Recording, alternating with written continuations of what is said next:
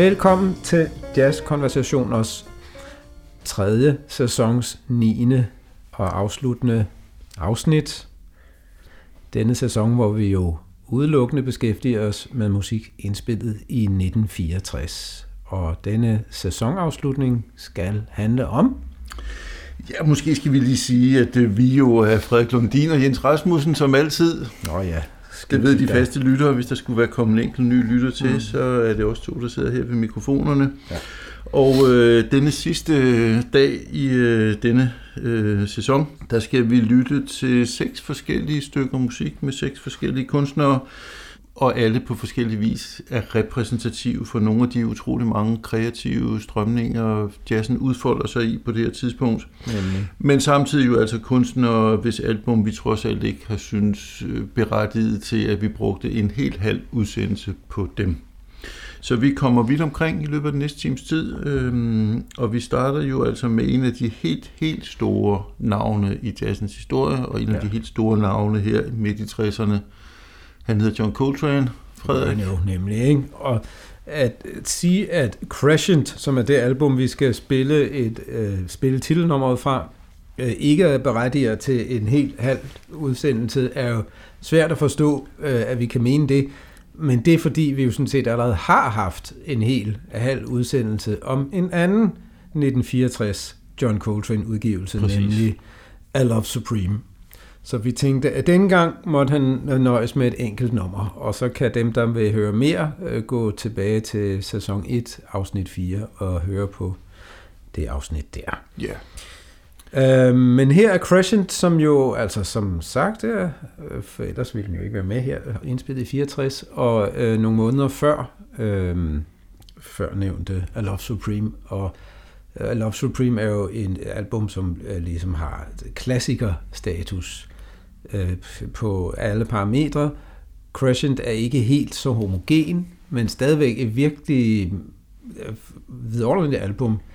Min personlige historie med det album øh, er, at jeg, øh, da jeg var ganske ung, spillede med en øh, skøn øh, Elvin Jones inspireret øh, trommeslager, der hed Peter Reim. Peter døde desværre for tidligt øh, af sygdom. Øh, Øhm, men vi indspillede noget og indspillede to albums sammen, mine to første i eget navn i øvrigt.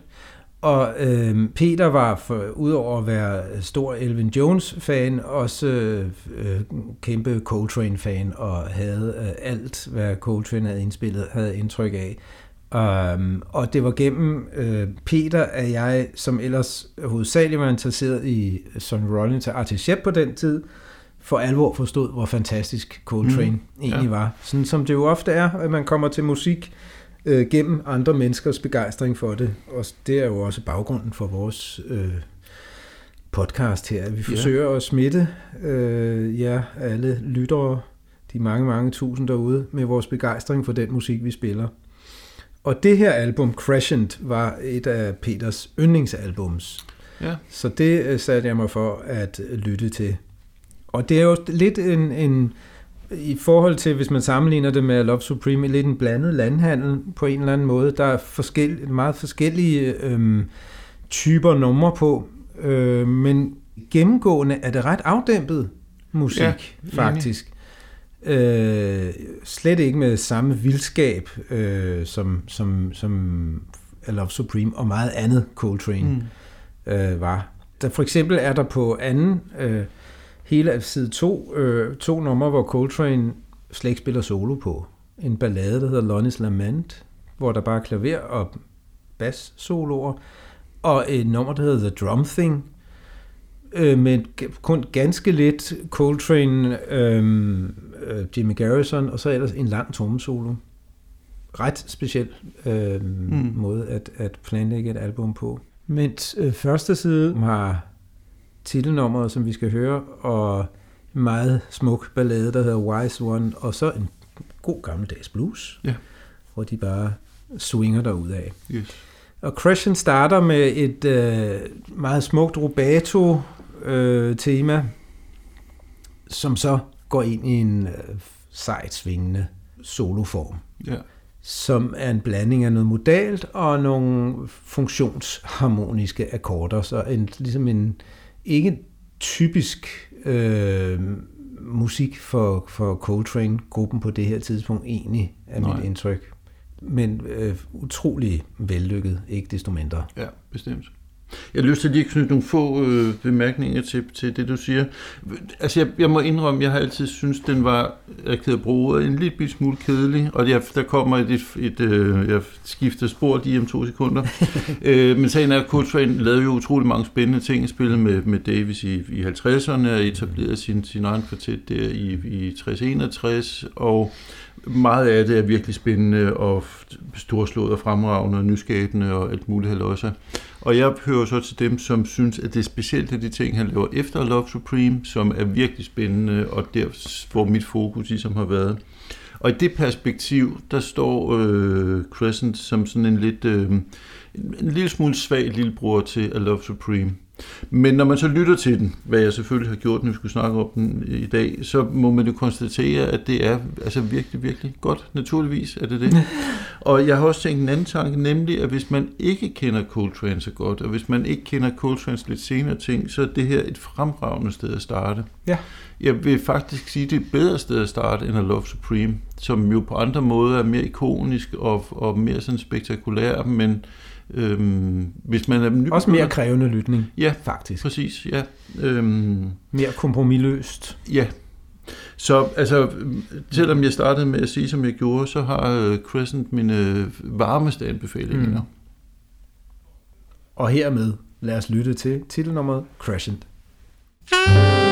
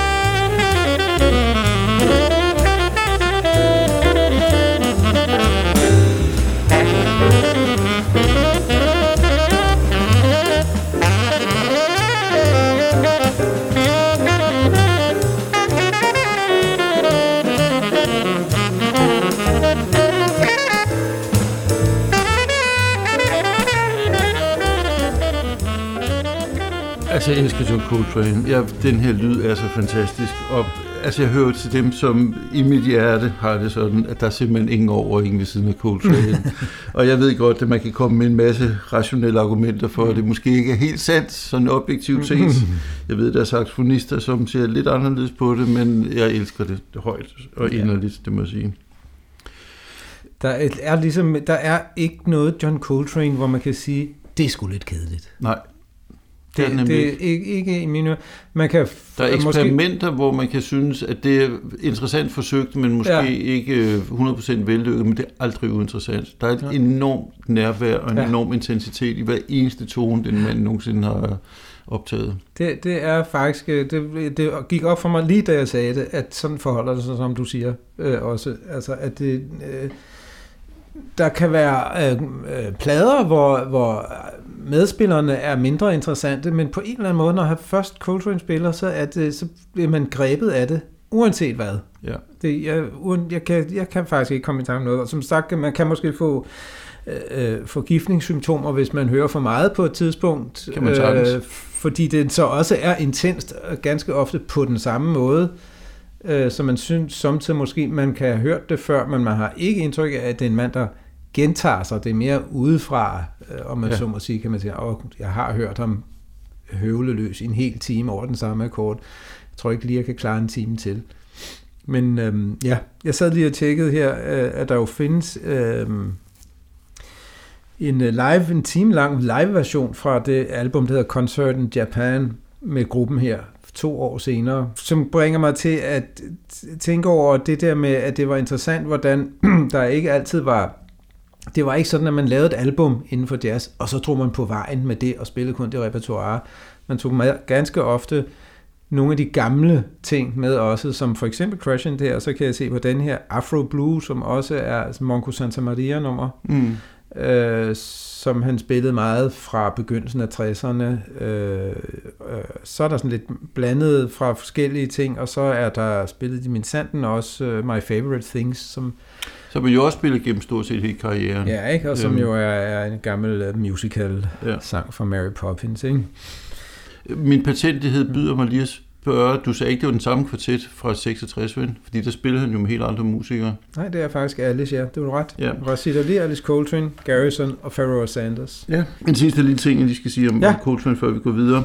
Øhm, nogenlunde på det her tidspunkt, kort tid efter, der holder han jo fuldstændig op med at spille sådan regulære ballader, og det er jo ikke, fordi han ikke spiller langsomme numre, men, men han spiller noget i stedet for, som er sådan nogle meget sådan frit fabulerende rubato-forløb, ja. som har lidt, lidt, lidt balladekarakter, men mere for sådan spirituelt, sådan lidt messende... Øh, Messen er et godt ord. Og, og øh, det, det, altså det afløser simpelthen det, han har gjort så sublim som balladefortolker. Mm. Øhm, og det vi så har her fra Crescent, er, er lidt som en mellemting, fordi ja. lige begyndelsen af det lyder faktisk præcis ja. sådan, som de her ting lyder efterfølgende i hans karriere. Men Nemlig. vi har stadigvæk sådan et regulært der, der er nogle akkorder og noget melodi, som ja. sådan peger tilbage på en, en, en egentlig ballade, før vi så går op i det her side-swingende. Yes. Og så den aller sidste lille parentes, vi har jo hørt McCoy Tyner i lidt forskellige aftapninger mm. i løbet af sæsonen, i hvert fald med, med Lee Morgan. Ja. Øh, og her der får vi ham jo så i den, øh, i den setting, som de fleste af os først og fremmest forbinder ham med. Ja. Skal vi tage videre med en anden pianist, som vi også holder meget af her i huset? Ja, og han hedder Paul Blay, og øhm, dels har vi talt om ham tidligere, fordi vi har haft den plade, der hedder Footloose mm. på programmet i vores anden sæson. Hvorfra vores jingle jo kommer. Præcis, det er den anden grund til, at øh, han er i særklasse relevans, mm. øhm, og naturligvis også, fordi vi begge to holder meget af ham, og fordi du jo, Frederik Lundin, har spillet med ham. Ja, øhm, det fortalte du også om i den udsendelse, hvor vi lyttede på Footloose, ja. du husker. Hvis jeg lige meget, meget kort lige skal skitsere en, lidt om Blaze øh, karriereforløb, så debuterer han jo midt i 50'erne med en trioplade med Charles Mingus og Art Blakey. Der er et par fine øh, indspilninger derudover fra slutningen af 50'erne. I slutningen af 50'erne spiller han også kortvarigt med Ornette Coleman og medvirker på den optagelse, der hedder Live at the Hillcrest Club, som både er udgivet i Ornette Colemans og senere Paul Blaze øh, navn. Og de lytter, der ikke ved det, kan jeg informere om, at det er noget musik, som Frederik Lundin sætter umådeligt højt. Ja. Så er der en periode i sådan 61-62, hvor han spiller sammen med øh, klarinettisten og saxofonisten Jimmy Jeffrey, som har en meget, meget fin trio her uden trommer, men med de to og bassisten øh, Steve Swallow. Øh, der er to plader, som hedder Fusion and Thesis, som senere bliver genudgivet på ECM, og må ikke de på et tidspunkt kommer til at spille en hovedrolle i et afsnit af jazzkonversationer. Det bliver vi nok nødt til. Ikke? Så er der fra 62-63 tre udgivelser, som dækker over nogenlunde det samme materiale. Det er dem, vi har nævnt før. Først blev det udgivet som Footloose, og senere henholdsvis Floater og Syndrome. Og så når vi frem til 64, som hele sæsonen jo handler om. Mm. Der er en udgivelse på det pladselskab, der hedder ESP, øhm, som, er, som hedder Barrage, mm. og som er ret krasbørstig og øh, upoleret, og i øvrigt ikke har en voldsomt god lyd. Det er meget, meget spændende, ja. anbefalesværdig plade, men det er øh, pænt krasbørstigt. Det skal siges. Og så er der altså den her plade, som vi skal lytte til et uddrag fra, som mm. både er udgivet under titlen Turns og Turning Point. Mm. Og der er et øh, charmerende, nærmest lidt lystigt øh, nummer, som hedder Call. Vi Calls, har, faktisk. Calls. Ja. Øh, vi har Gary Peacock på bas, og Gary Peacock vil jo være lytterne bekendt, fordi det var ham, som spillede bas i Albert Ehlers berømte mm-hmm. kvartet, som vi talte om i vores øh, forrige afsnit. Mm-hmm. Og der vil selvfølgelig være mange lyttere, der kender ham fra Keith Jarrett's øh, vanvittigt berømte standard trio, som, øh, som ja. jo spillede sammen i over 30 år. Og trommeslagen Paul Motion, som vi også har nævnt i mange forskellige sammenhænge, han spillede med Bill Evans øh, lige så berømt, næsten lige så berømte trio i 59-61, øh, og har spillet på alle mulige ting, som vi begge to synes er spændende, og har nævnt ja. og talt om. Øh, han lavede en plade, der hedder Mysterioso, mm. som har været på vores program, mm. og han har spillet med en masse af vores favoritter. Og så er der en saxofonist, som hedder John Gilmore, og jeg tror, jeg kom for skade at sige noget i retning af John Gilmore kender vi stort set kun fra Sunrise Orchestra. Han var meget betydningsfuld for Sunrise mm. Orchestra, og en af de helt centrale musikere, som fulgte Sunrise gennem øh, adskillige årtier. Men, til, til sin død, sådan set, ikke? Ja, ja til Sunrise død. Ja. Og videre jo faktisk, fordi Orchestra lever videre ja. efter øh, Sunrise Det gør John bortgang. Gilmore dog ikke, så vidt jeg ved. Han døde i 95, skal jeg se. ja. Men Gilmore, han ja. spiller altså faktisk med temmelig mange øh, store navne. Øhm, I i øh, 50'erne, der har han en kvintet sammen med... Saxofonisten Clifford Jordan. Tak. Og i midten af 60'erne spiller han sammen med sådan nogle navne som Art Blakey og Freddie Hubbard og Elmo Hope og McCoy Tyner og Andrew Hill og lidt senere med Tip Corea. Så øh, en spændende besætning, mm. som vi har på Paul Blaze Turning Point, ja. og vi skal høre begyndelsen af første nummer, som er komponeret af den fremragende komponist Carla Bley, som vi også har ja. nævnt nogle gange. Det er primært Carla Bley-kompositioner, der er på, på den her udgivelse. Der er et enkelt Annette Peacock-nummer, og det var jo de to øh, komponister, han øh, favoriserede. Måske er han, var, han var jo gift med Carla Bley på en, en kort periode. Ikke? Ja. Også. Øh, men de var to helt fremragende komponister, begge to. En, en ærte. De lever jo gudskelov begge to i bedste velgående. Både Annette Pico og Carla Bley. Og han har indspillet meget af deres musik, og de samme numre mange gange. Ja. Han blev aldrig træt af at spille dem. Vi skal høre Calls. thank you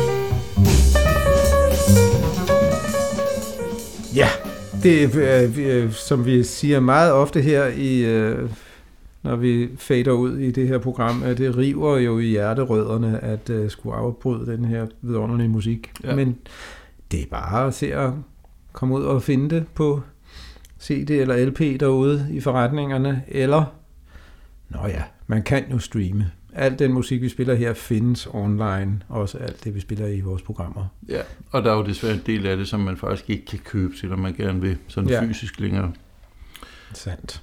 Når vi har valgt lige præcis det her uddrag, så er det også for lige at illustrere, at den free jazz i 60'erne, som ofte kunne være meget pågående, ofte kunne være lidt aggressiv, og i hvert fald ofte var meget intens og ekspressiv, faktisk også nogle gange kunne være lidt munter og mhm. smilende, mm. yeah. som jo specielt temaet her er. Jeg synes, det er meget øh, nærmest lystig musik. øh, og men øh, det måske bliver lidt mere komplekst, Paul Blake går i gang med sin solo. Ja, men ja. altså, i udgangspunktet, så er der da smil på læberne her. Ja. Jeg vil også sige, at det er ret skønt at høre de her øh, Carla Bley-temaer, som man... Øh, mange af dem er jo ikke indspillet af andre end Paul Blay, og at høre dem øh, spillet af en blæser mm. er ret vidunderligt, synes ja. jeg. Så de findes jo, som du så siger, også nogle af dem, uh, Jimmy Jeffrey-trioen, hvor Paul Blay også er med, øh, fordi indspillede også en del Carla Bley-kompositioner, ja. men, men meget af det øh, findes ikke, og så hører man det nu her øh, med, nu fik I så ikke lov at høre John Gilmore spille solo, men igen, find det selv. Yes. Hør resten af musikken. Og måske så skal jeg lige sige til lytterne, at når du siger, som du gør, så er det fordi utrolig mange Paul Blaze plader er, er trivplader. Ja, netop. Ja. Så når han fortolker Carla Bley, eller for den sags skyld Annette Peacock mm. komposition, mm. så er det ofte med klaver, bass og trommer, og ikke så tit med blæser, som det jo så er her. Yes. Vi springer Vi, videre, ikke? Jo, til noget fuldstændig andet. Men stadigvæk med en uh, pianist som kapelmester. Yes. Nemlig Horace Silver som jo, øh, han må være noget ældre end øh, Paul Blay. Ikke meget, kan man sige, men dog noget, og i hvert fald øh, ud af starthullerne. Øh, lidt tidligere, for da han jo, øh, han er for 28, men han debuterede med Stan Getz i, øh, eller kan man sige, det var der, han kom til den store offentligheds øh, opmærksomhed øh, tilbage i 1950, hvor han blev en del af Stan Getz kvartet. Og der findes nogle øh, for Stan Getz-fans øh, væsentlige optagelser med, med øh, fra den tid fra 1949-1950, med, hvor Horace Silver er med på dem fra 1950. og herefter så stiftede han øh, og ledte sammen med Art Blakey Jazz Messengers. Mm. Det var deres fælles øh, band, inden øh, Horace Silver efter et par år forlod øh, Blakey, og Blakey ligesom overtog Jazz Messengers øh, varemærket, så at sige. Ja. Men Silvers øh, egne øh, albums falder meget ind i mm. samme hardbop-ting, men hvor han måske mere dyrkede øh, netop ostinat, ofte ja. ostinat-baseret, meget groovy, Præcis. soul er lidt forkert ord på, gospel-inspireret ja. øh, ting.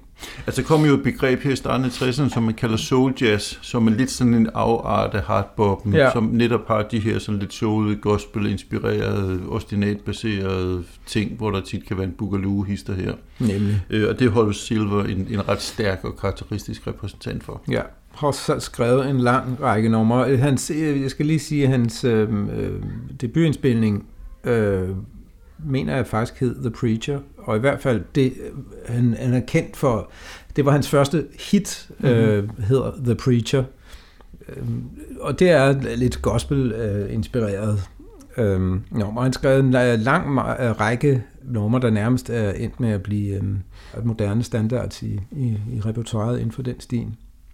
Så det er nok især det, han er kendt for, men han var også en øh, rigtig karakteristisk pianist. Ja øh, som har inspireret øh, mange pianister, også blandt andre Bill Evans af alle, ved jeg, mm. regnede Horace Silver for, for en af dem, han var inspireret af. Det forsvandt jo, så kan man roligt ja. sige, øh, med tiden. Men man kan godt høre på tidlig øh, Bill Evans, kan man godt høre lidt, lidt rester af, af, af, af den måde at spille på, som, som, øh, som vi nu om lidt hører Horace Silver præsentere i titelnummeret fra et af hans andre virkelig øh, kendte albums, nemlig Song for My Father. Vil han mest berømte LP, må ikke? Det En er af de det mest nok. berømte. Jo, En af de mest det, berømte i hvert fald. det, det vil jeg sige. Ja. Ja. Jeg skal lige sige, hvem der er med. Her hører vi i øvrigt øh, en af dem, vi tidligere sæsoner har beskæftiget os med, tenorsaxonisten Joe Henderson, Mm. som ligesom også trådte sine, sine tidlige, øh, om ikke barnesko, så ungdomssko hos netop Forrest Silver. Som øh, også, ligesom øvrigt, Art Blakey var rigtig god til det der med at finde unge musikere at omgive sig med. Så jo Ja. ældre han blev, jo yngre blev musikerne i forhold. Det samme kan man sige Forhold til Miles ham. Davis. Hvad siger du? Det samme kan man sige om Miles Davis. Ja, ikke? Der er nogle af de der, som har forstået, at de skulle holde sig unge og opdateret ved at spille med unge musikere. Horace Silver var en af dem. Her kommer den.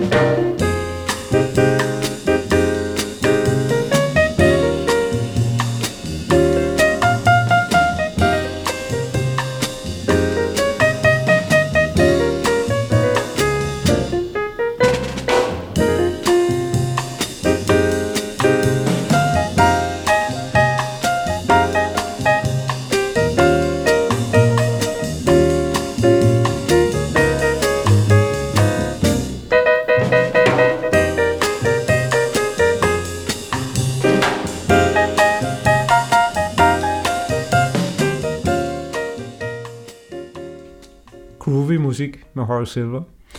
Og Ja. så? Ja, altså, det er meget tidstypisk, må man sige, og det er meget stilrent. Mhm. Mm-hmm. Der er sådan en lille smule latin-inspiration. Ja. Ja. Så har vi den her ret fremtrædende bas, som bliver typisk på det tidspunkt. Mm. Og så har vi jo meget enkle linjer. Der er sådan lidt Ja. ja. bluesy licks i Masser af bluesy licks, må man Yes, sige. præcis. Det er hans ting. Ligesom. Altså, jeg bliver nødt til at sige, at jeg synes faktisk også, det er en lille smule kedeligt og en lille smule uoriginalt. Vi er over i Det er jo ham, der har fundet på det. Ja, Så kan man ikke sige, at det er uoriginalt. Nej, det har du ret i. Det har du fuldstændig ret i. Det man måske kan sige, det er, at når en basslinje er så fremtrædende og bliver gentaget så mange gange, så må den godt være lidt mere spændende, end den er her. Men altså, jeg har i den grad øh, historien imod mig.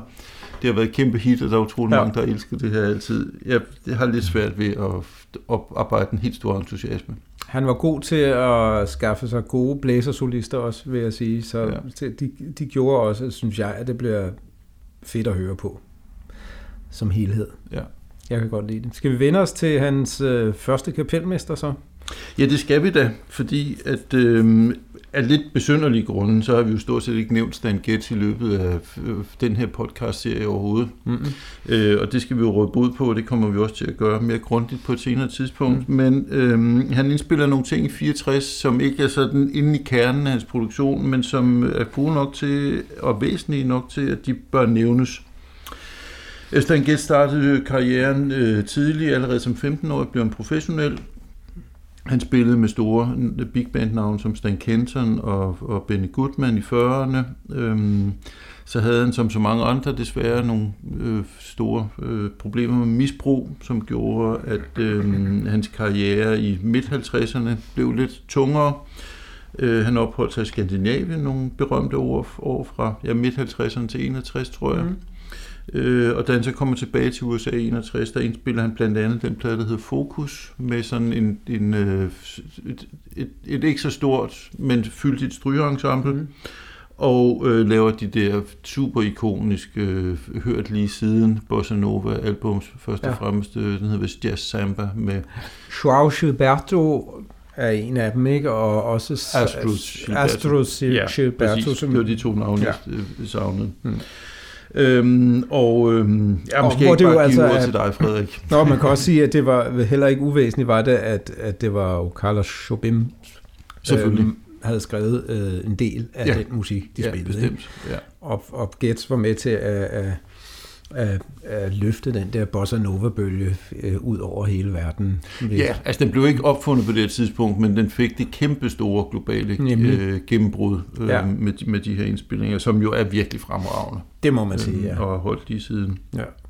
Måske hvis vi sådan i det helt store perspektiv omkring Stan Getz stadigvæk sige, at han var jo en af de store hvide saxofonister i cool jazz-traditionen, Mm. som han på forskellige vis øh, videreførte op gennem karrieren.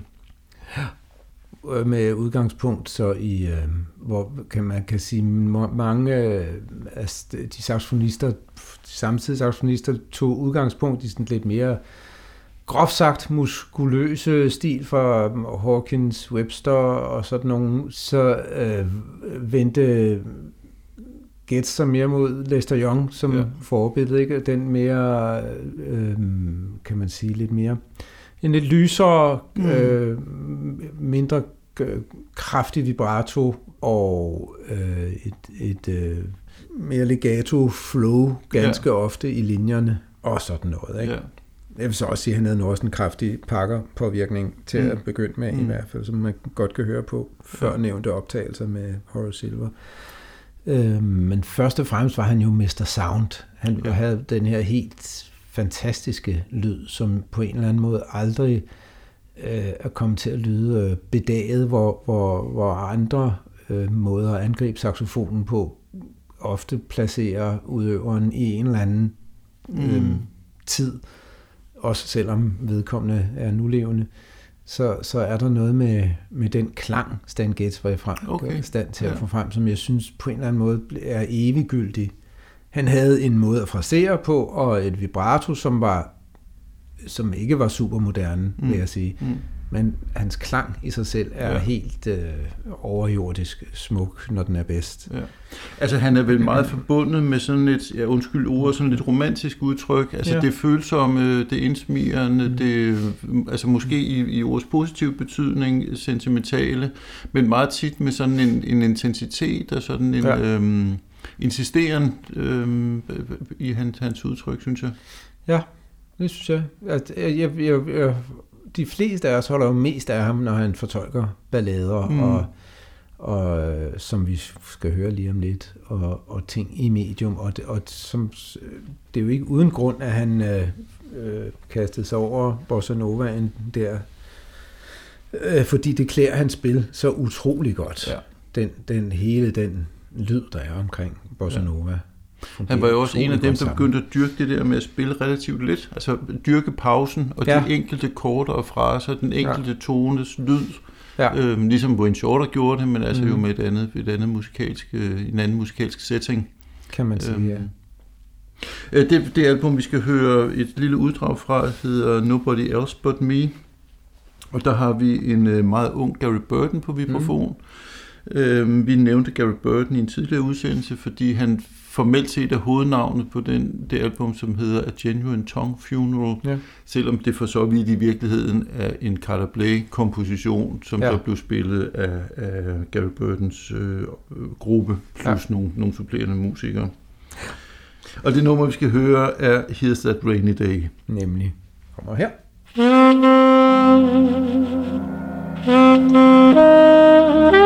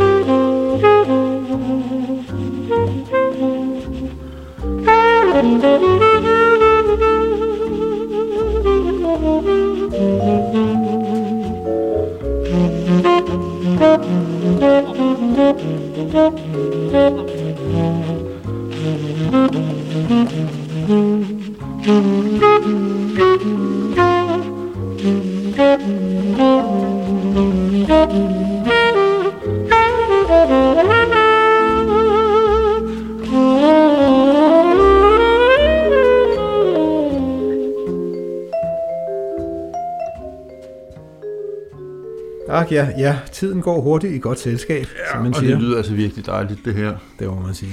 Vi har på et tidspunkt snakket om, om noget med, når man fraserer og spiller lange toner, så, så er det vigtigt, at man holder tonen i live, og der ligesom er noget, noget bevægelse, noget dynamik, noget, mm. noget energi i den, og det er Stan jo sindssygt god til. Altså Det når man hører hans sige. lange toner, der er Ja. simpelthen så meget... Øh, ja, den bruger ud igen, der er så meget liv i dem. Øhm, og så har vi jo karakteristisk for genren en meget anonym rytmegruppe, eller, som man- altså også bliver mixet meget, Ja. meget langt ned i, vil i sige, og- og ikke- produktionen her. Og ikke karakteristisk for tiden som sådan, mere om for en genre, der egentlig er lidt ældre, ikke? Præcis. Øhm, Altså 50'ernes cool jazz. Ja, ja, sådan noget der, ikke? Ja. Og det, det er lidt mærkeligt, fordi han var jo begyndt at omgive sig med lidt yngre folk, Get for Ja. eksempel Gary Burton. Og han fik jo også nogle grupper, som årene går- gik, øh, som var lidt, lidt frækkere, Ja. kan man sige, ikke? Bestemt. Her er han, øh, her er han øh, om man så må sige, i, i sin egen komfortzone. Ja. Men det lyder jo også vidunderligt. Det gør det. Den absolute indrådige hovedperson, og Ja. det fungerer strålende.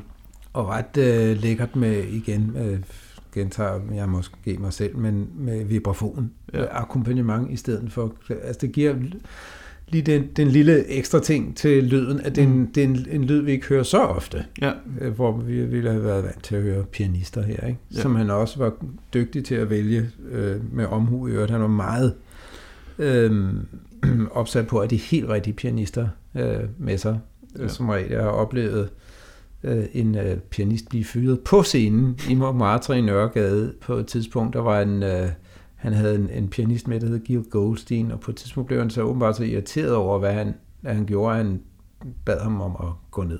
hold op. Så jeg kan ikke huske, om de fik en anden pianist op. Det skal jeg ikke kunne sige. Men, men han, var, han, var, han kunne være ond i sulet. Ja. Lige så smukt han spillede, lige så voldsom og hård kunne han være. Der er en historie om, at han turnerede med Chet Baker, og øh, de spillede så ubegribeligt smukt sammen. Mm. De spillede sådan nogle ballader, hvor Mm. mm. Bakers trompet og Gets øh, tenorsax simpelthen smyrer sig så kærligt og inderligt om hinanden, så man bliver nærmest forelsket at lytte til det. Ja. Og historierne ved, at de var st- altså stinkende uvenner, Ja. ja. og at Stan Getz opførte sig som et virkelig dumt svin, Mm. og, og absolut ikke kunne have, at Chet var narkoman, og han skulle så selv have to flasker whisky om dagen for Til gengæld. At, ja. øh, og jeg tror, det endte med, at at Chet Baker rejste hjem halvvejs gennem turnéen. Men der kom vidunderligt smuk musik ud Ja. af det.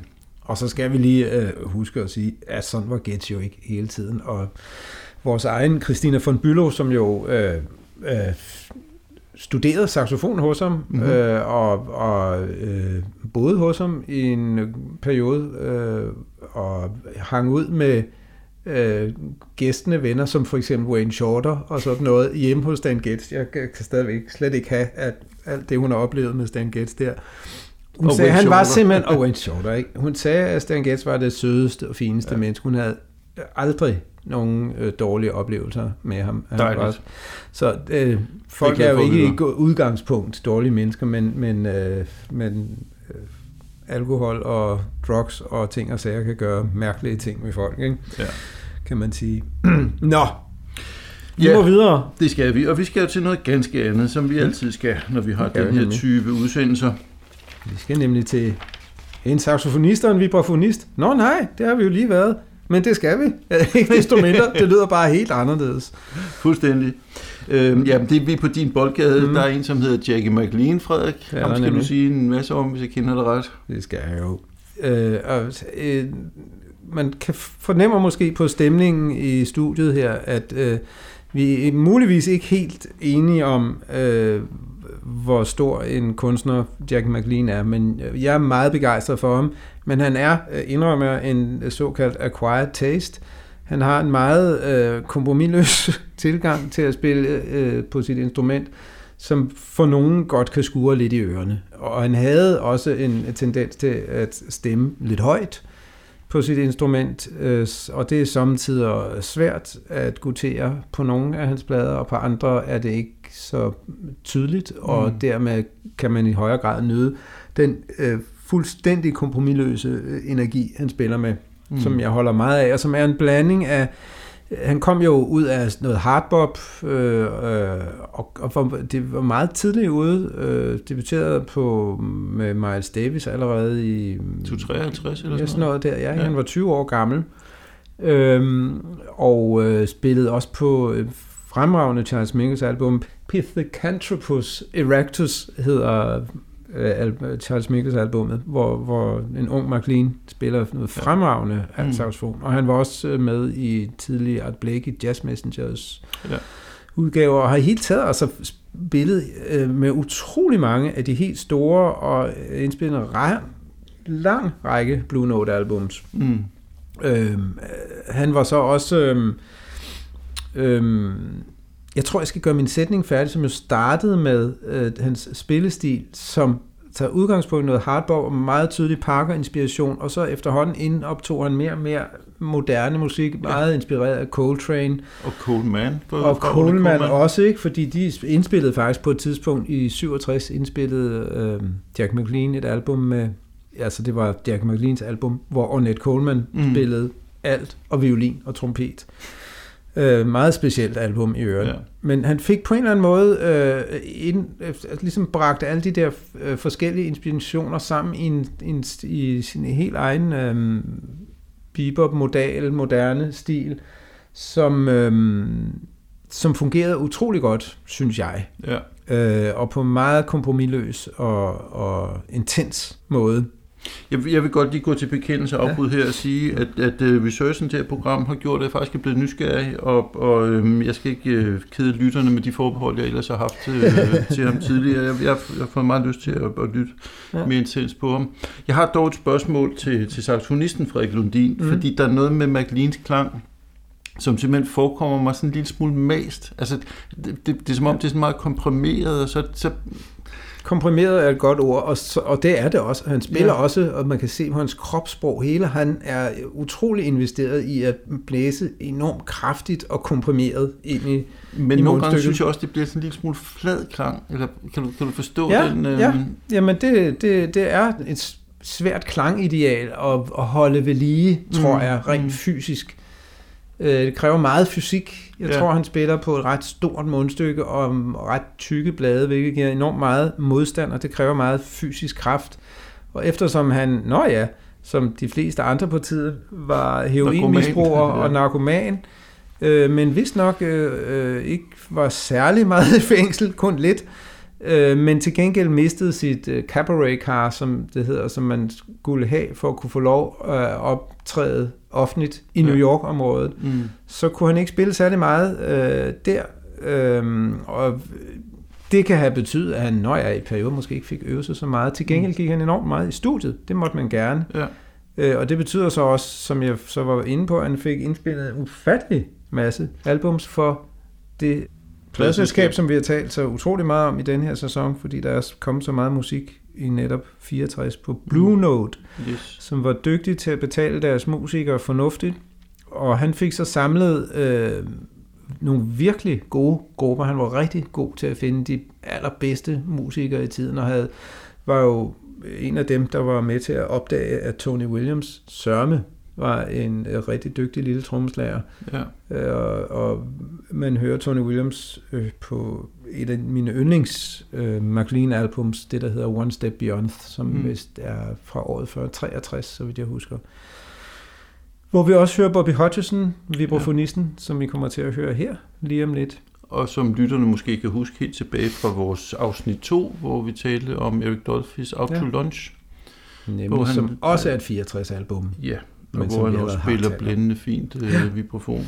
Nemlig. Øh, Jack McLean var jo også sideman på virkelig mange udgivelser. Jo, så han. min, mine ydmyge, uovervejede forbehold, at der er jo i hvert fald temmelig mange i tiden, som ikke har delt, Ja.